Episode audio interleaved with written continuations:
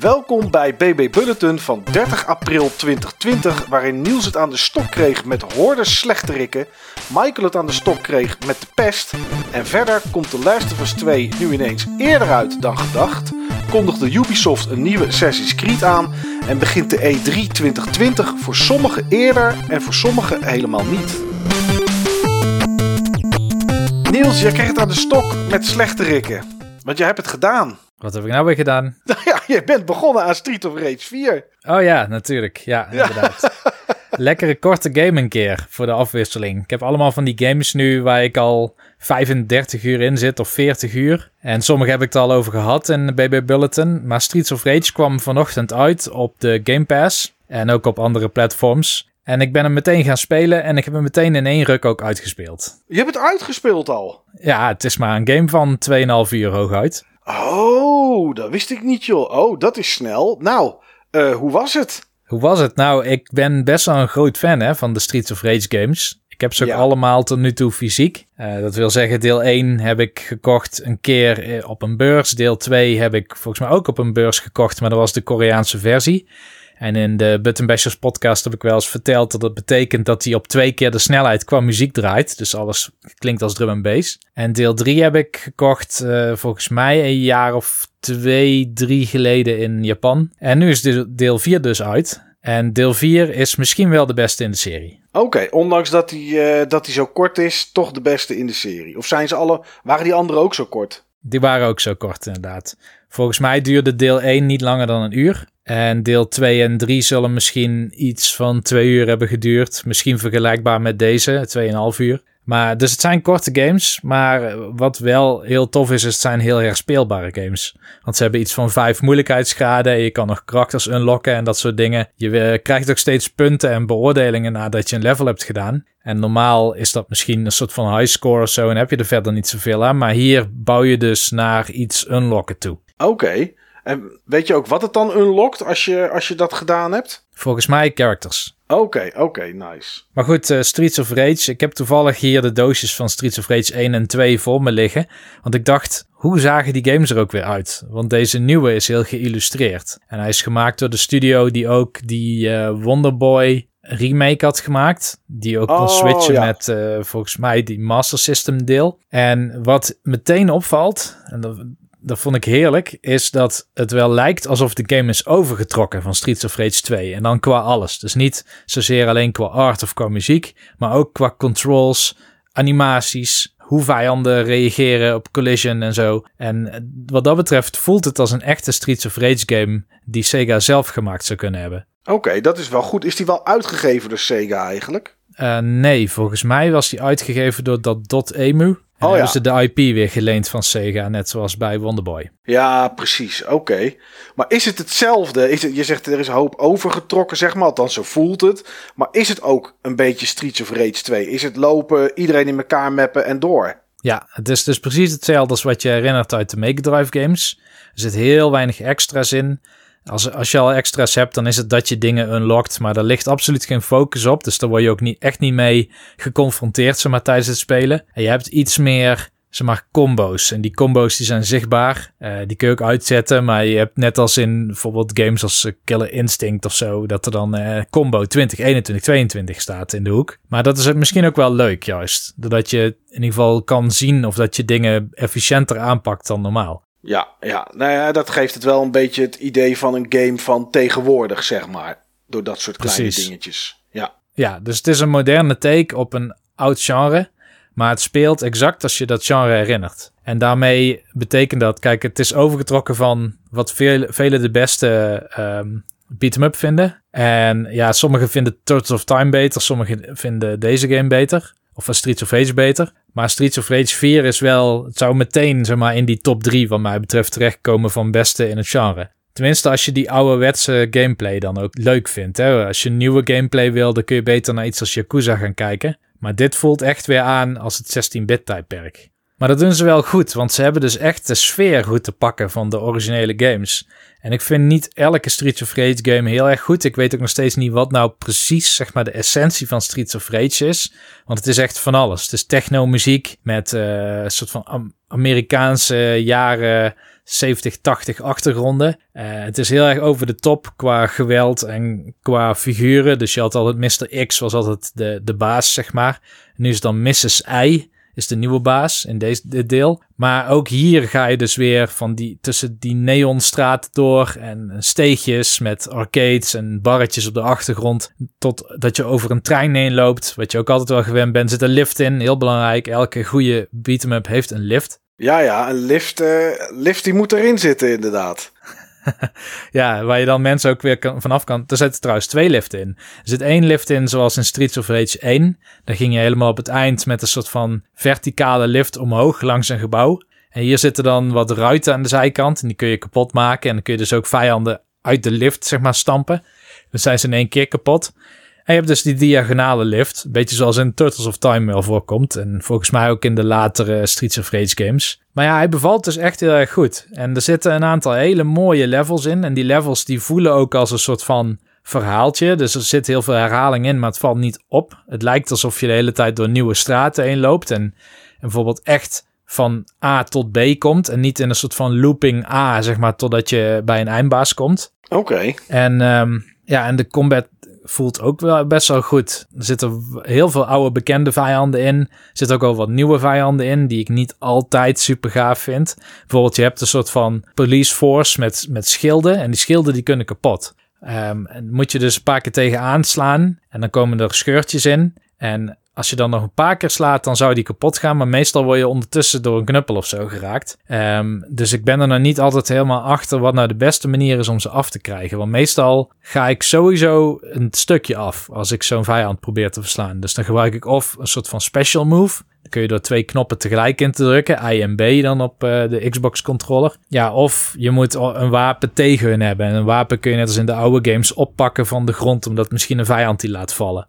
Oké, Hey, tot slot Niels, is dit een game die je dan straks ook nog een keer op een moeilijkere graad gaat spelen, zeg maar? Op hard of uh, weet ik veel wat voor, wat voor standen er nog zijn? Of is dit zoiets wat je over een half jaar nog eens een keer op dezelfde moeilijkheidsgraad gaat spelen? Ik ga hem denk ik op een moeilijkere moeilijkheidsgraad spelen, maar dan bij voorkeur in co-op. Want je kan de games altijd met twee personen spelen, maar deze kun je ook met vier personen spelen. En dat is zeker nog iets wat ik wil doen. Uh, op PC of op Switch, waarvoor ik hem heb besteld, de fysieke versie. Uh, komt vast nog wel dat ik hem een aantal keren ga spelen. Want dit soort games die speel ik meestal niet één keer en dan zet ik ze in de kast om nooit meer op te pakken. Nee, precies. Is dat uh, co-op spelen met meerdere mensen, is dat ook online of is dat enkel uh, couch? Uh, beide. Oké, oh, dat is wel cool. Ja, dus ik, ik hou me aanbevolen als jij een keer co-op Streets of Rage 4 wil doen. Nou, dat lijkt mij prima. Dat gaan we wel een keer doen. omdat hij in de Game Pass zit, moet dat zeker een keer te doen zijn. Um, ik ben uh, ook begonnen uit iets uh, uit de Game Pass. Want ja, als je hem hebt, waarom zou je er geen, uh, geen gebruik van maken? Ik ben begonnen aan A Plague Innocence. En um, ja, Plague die had ik regelmatig wel voorbij zien komen op Twitch. Af en toe wel eens hele kleine stukjes van gekeken.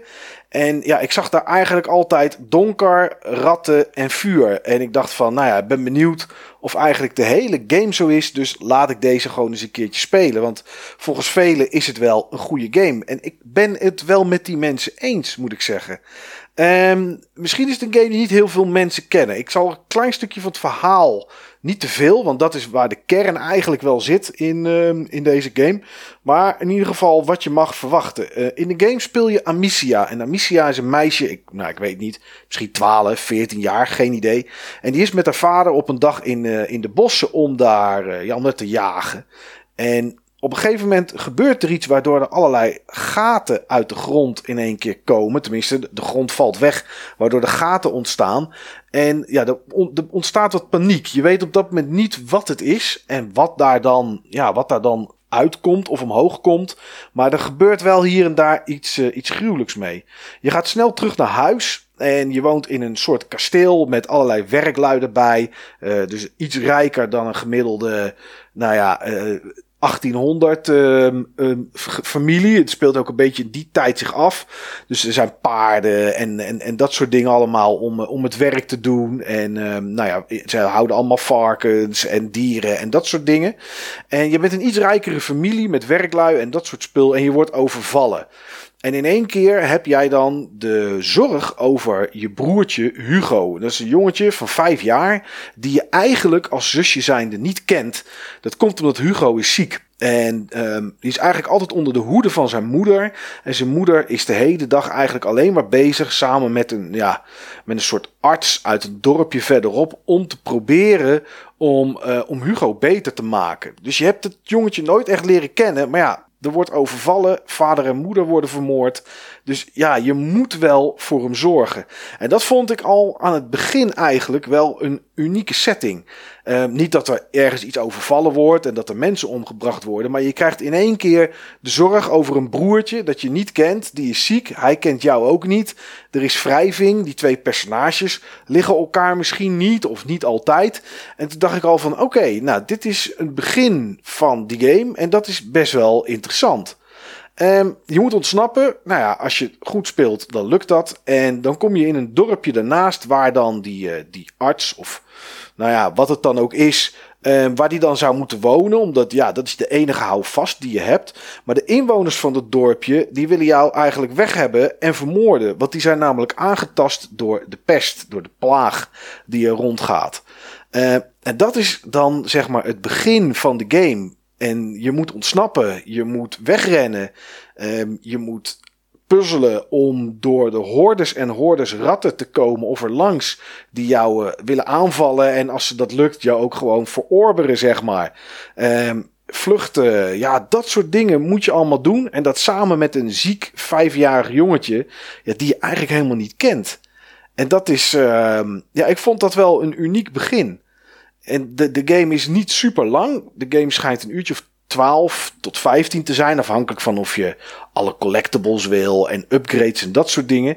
Maar het is, uh, ja, de game heeft een aantal dingen waar ik wel eigenlijk van hou. En dat is dat het super verhalend is. Um, ik kan nog niet zeggen of het, het he de hele game door ijzersterk is. Ik zit, nou moet ik even, uh, ik zit ongeveer op 1 vierde van de game nu. Um, dus ja, het begin heb ik in ieder geval gehad. Het is wel heel erg gestroomlijnd. Maar dat vind ik weer niet erg als het verhaal daardoor het ten goede komt, zeg maar. En dat komt het. Uh, level design is goed, het ziet er mooi uit.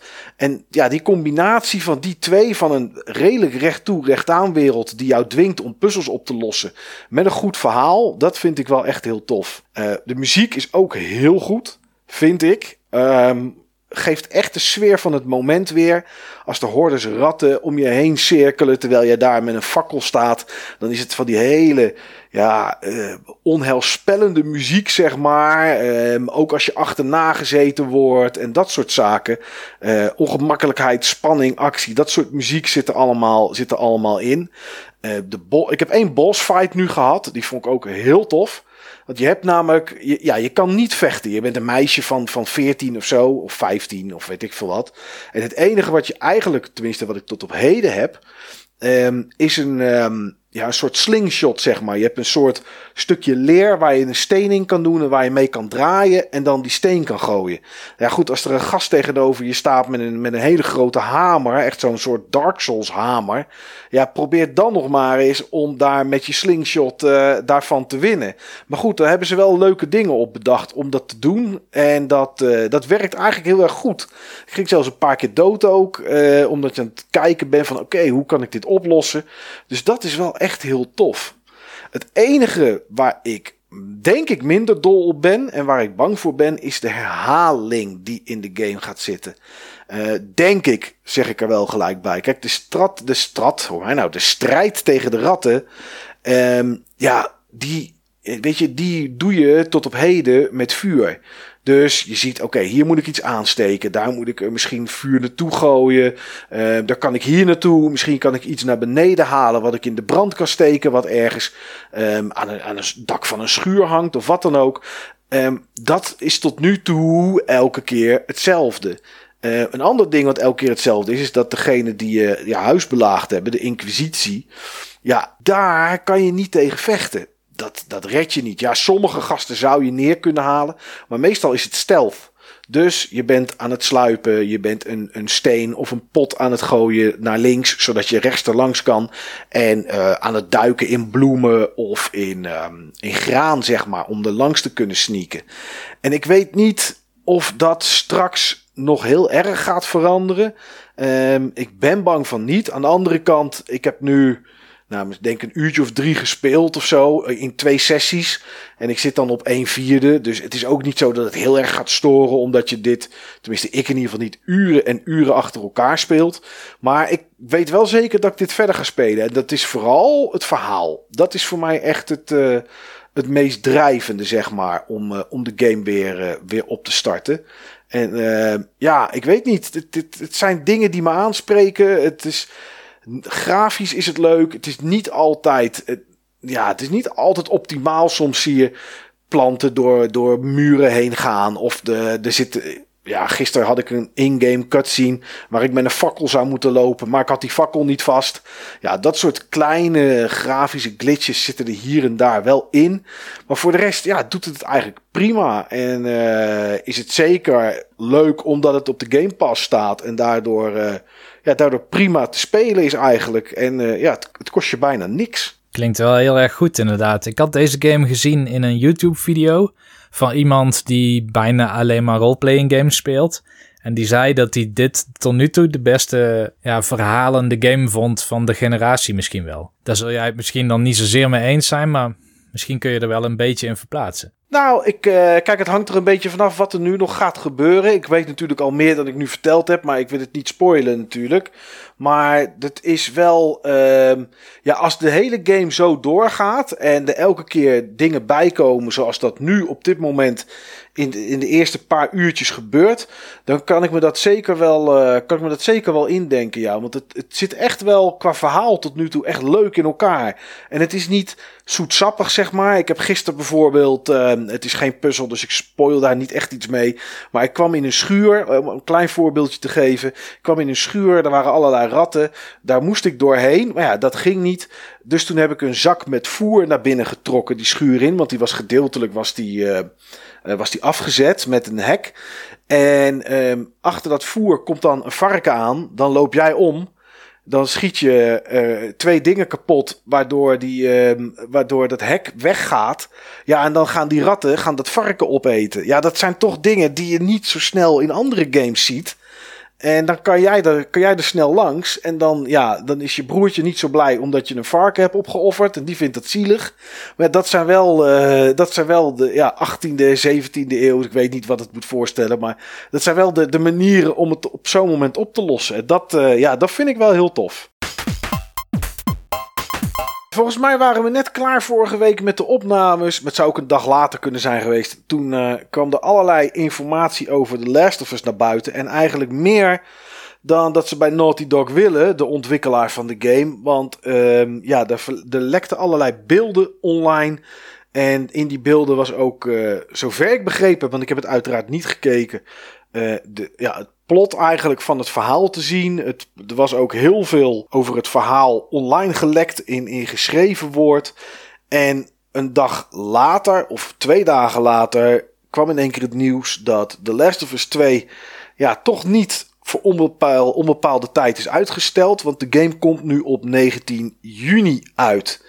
En ja, iedereen denkt natuurlijk, die twee houden met elkaar verband. Er is gelekt, dus er is te veel online gezet voordat nog meer mensen gaan lezen of wat dan ook. Laten we de game maar uitbrengen. Denk jij dat ook, Niels? Of denk je van, nee, nee, het is een toevalligheid dat die twee dingen vlak na elkaar zijn gebeurd? Ah, dat zou ik echt niet weten.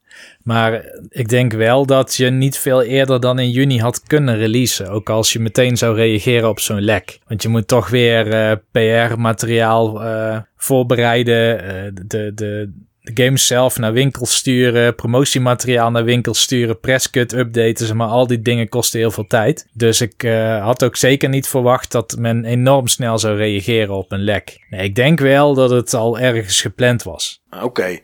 ja, dus jij denkt dat ze al wel eerder al gedacht hadden, laten we het ergens in juni doen en uh, de 19e en dat, dat ze nu maar gelijk eens hadden, ja oké, laten we het dan maar uh, laten we het dan maar wereldkundig maken. Nou goed, het is in ieder geval wel mooi dat die, uh, dat die uitkomt. Um, iets wat dan minder mooi is voor de mensen die Ghost of Tsushima uh, op hun verlanglijstje hebben staan, is dat die uitgesteld is. Want die kwam eigenlijk in juni.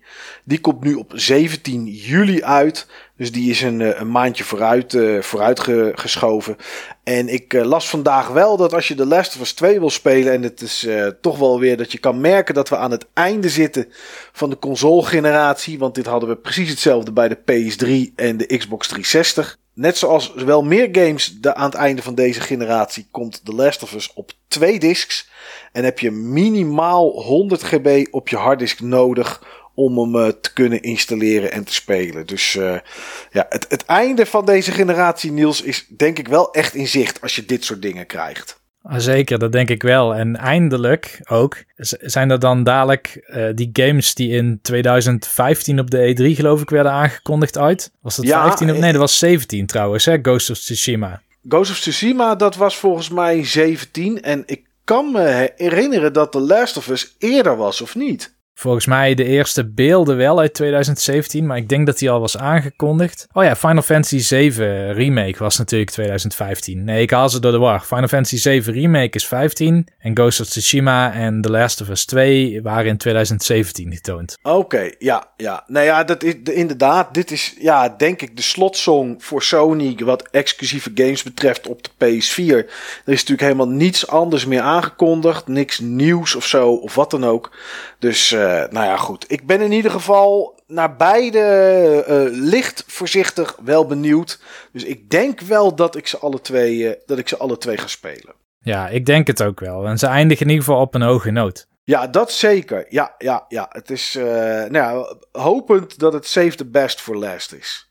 Wie ook iets aankondigde, was Ubisoft. En dat was, uh, nou ja, gisteravond met een, uh, geloof, uh, 30 uur durende stream of zo. Het las ik ergens dat het geduurd heeft. Ik heb er, geloof ik, een paar seconden van gezien. En toen was ik er wel klaar mee. Want het was iemand die in Photoshop concept art aan het tekenen was. Of art die in ieder geval ehm, ge gebruikt is om de, om de game te promoten. Maar Assassin's Creed Valhalla is aangekondigd. En die komt, nou ja, ergens holiday 2020. Dus eind dit jaar. Dat is, uh, dat is de bedoeling dat die uitkomt. Ja, CGI-trailer, geen gameplay. En er viel mij iets op. En dat was dat ik keek naar de trailer op het Xbox-kanaal. Toen zag ik aan het einde, zag je dan uh, bij de datum. En dan zie je altijd logootjes onderin staan van Ubisoft. En de ontwikkelaar. En, of welke studio het dan is van Ubisoft die eraan werkt. En dat soort dingen. En daar stond Xbox Series X en Xbox One onder. En toen keek ik ook eventjes naar, het, uh, naar de trailer op het PlayStation kanaal. En daar stond geen PS4 onder, maar ook geen PS5. Nou kan het zijn dat ze die logootjes er gewoon nog niet onder hebben gezet. het zou ook zomaar kunnen dat Ubisoft misschien denkt, hij komt alleen op de PS5 uit. Dat weet ik niet. Maar wat vond je van deze onthulling, ondanks dat het een CGI-trailer was? Nou ja, ik kan in eerste instantie alleen reageren dat het een CGI-trailer was. Want ik denk dat bijvoorbeeld Sven van Praatje Podcast, die was natuurlijk helemaal uit zijn dak gegaan, want daar kun je nog van alles bij verzinnen. Maar ik wilde eigenlijk weten uh, hoe het speelde, hoe het er nou eigenlijk uitziet, bijvoorbeeld. Zeg maar. Het verhaal Um, dat interesseert me niet zo heel erg. Um, de ervaring wel. En ik denk dat dan gameplay, van wat kun je dan doen? Zeg maar, hoe begeef je je door de wereld? Hoeveel zee is er? Uh, hoe werkt dat dorpje bouwen, zeg maar, waar ze het over hebben in begeleidende teksten? Dat ik dat wel nodig heb om interesse te krijgen in zo'n game als deze. Ja, ja goed. Ik... Uh... Kijk, ik heb, ik heb Vikings gekeken, die serie. En uh, nou ja, dit Valhalla gaat ook over vikingen, als, als dat nog niet duidelijk was. En daar is, dit is wel een gedeelte wat ze dan, wat in die serie gedaan is, wat ze nu in deze game ook gaan stoppen. En dat is wel een van de grotere vikingverhalen. En dat is het proberen te, hoe heet het, veroveren van Engeland. Dus daar zal een hoop zee zitten tussen, tussen Vikingenland en, uh, en, Engel, en Engeland. Um, en daar daar zal het dorpje opbouwen, denk ik, ook wel zijn in Engeland. En, en daar zullen ook wel de grote slagvelden plaatsvinden. Ik vond het wel, uh, als je de trailer keek, was wel het, dorpje waar je uit wegvoer. Dat was een dorpje wat in een, in een, in een baai, zeg maar, ligt. Dus omringd met, uh, met, met, met bergen. Dat leek wel, deed mij wel een beetje Kattegat aan, zoals dat in Vikings zat. En het zou ook stom zijn als ze niet iets nemen wat natuurlijk daar een beetje op lijkt. Want ja, dat spreekt natuurlijk mensen aan. Dus uh, ja, ik ben, wel, ik ben wel benieuwd, moet ik zeggen. Al zag ik weer een vogel in de lucht, dacht ik, oké, dat was bij de vorige twee ook zo. Uh, ja, weet je, het is hetzelfde met wat erbij, inderdaad. Maar speel je überhaupt wel Assassin's Creed games, Niels? En ik heb je daar nog nooit over gehoord. Ik heb Assassin's Creed 2 gespeeld en Brotherhood en een stuk van Assassin's Creed 4. Maar dat is alle, of Black Flag heette die geloof ik. Maar dat is alles wat ik heb gedaan. En het was, afgezien van dat ik het leuk vind om op gebouwen te klimmen, vond ik het wel destijds althans. Nou heb ik begrepen dat de nieuwe games heel anders spelen. Maar destijds vond ik eigenlijk um, het best wel generieke games.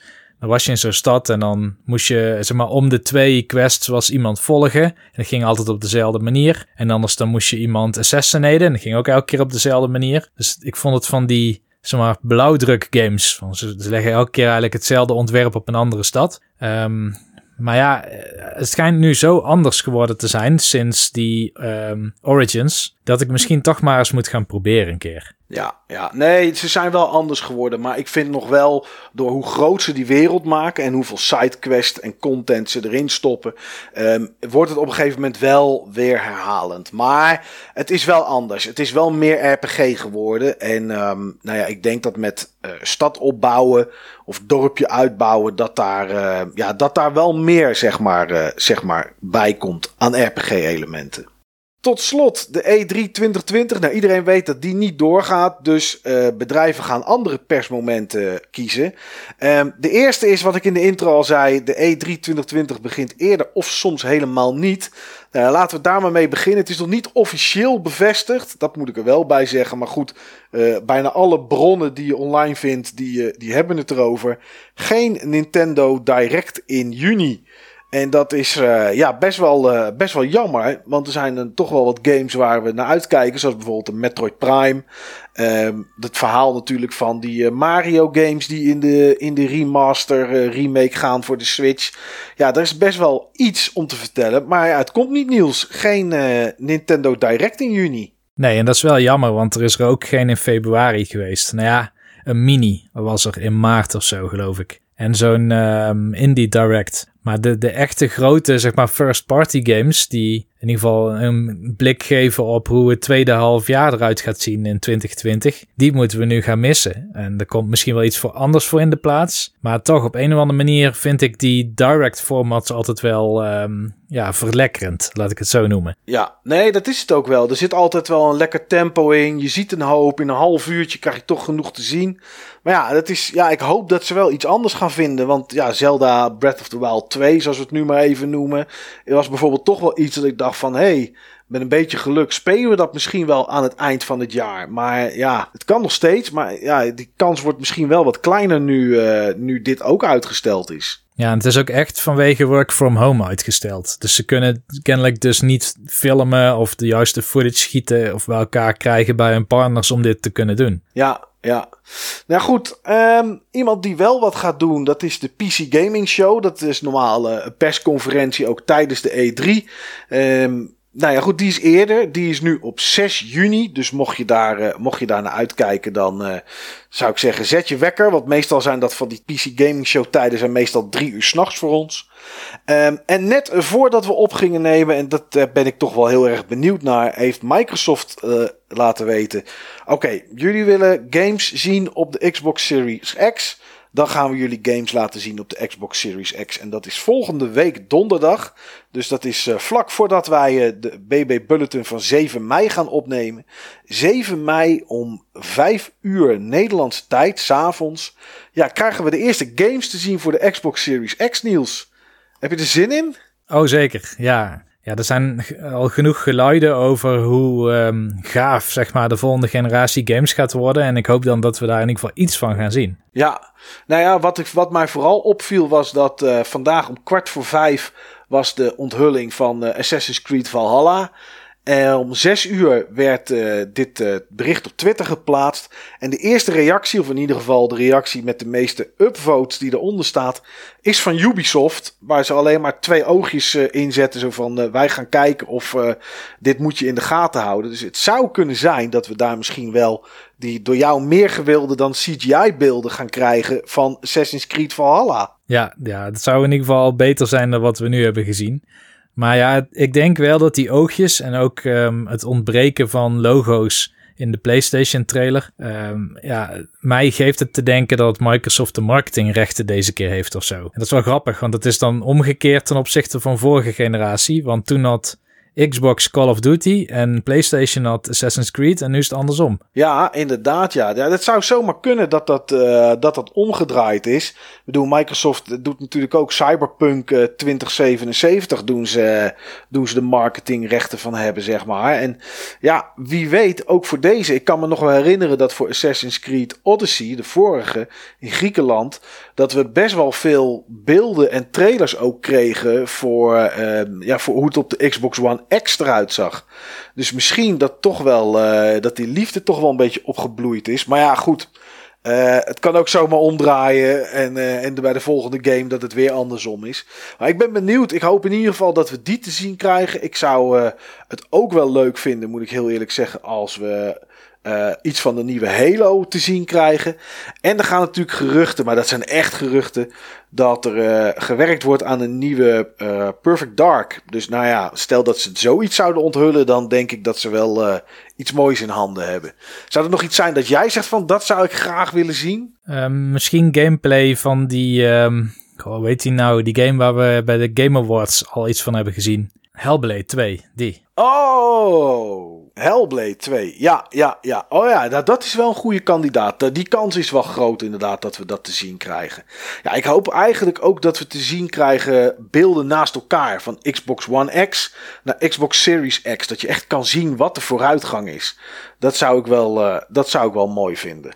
Maar goed, uh, ja, dat is volgende week. Dat is volgende week uh, donderdag 7 mei om 5 uur Nederlandse tijd vast op YouTube en op Twitch en dat soort kanalen allemaal. Mixer natuurlijk.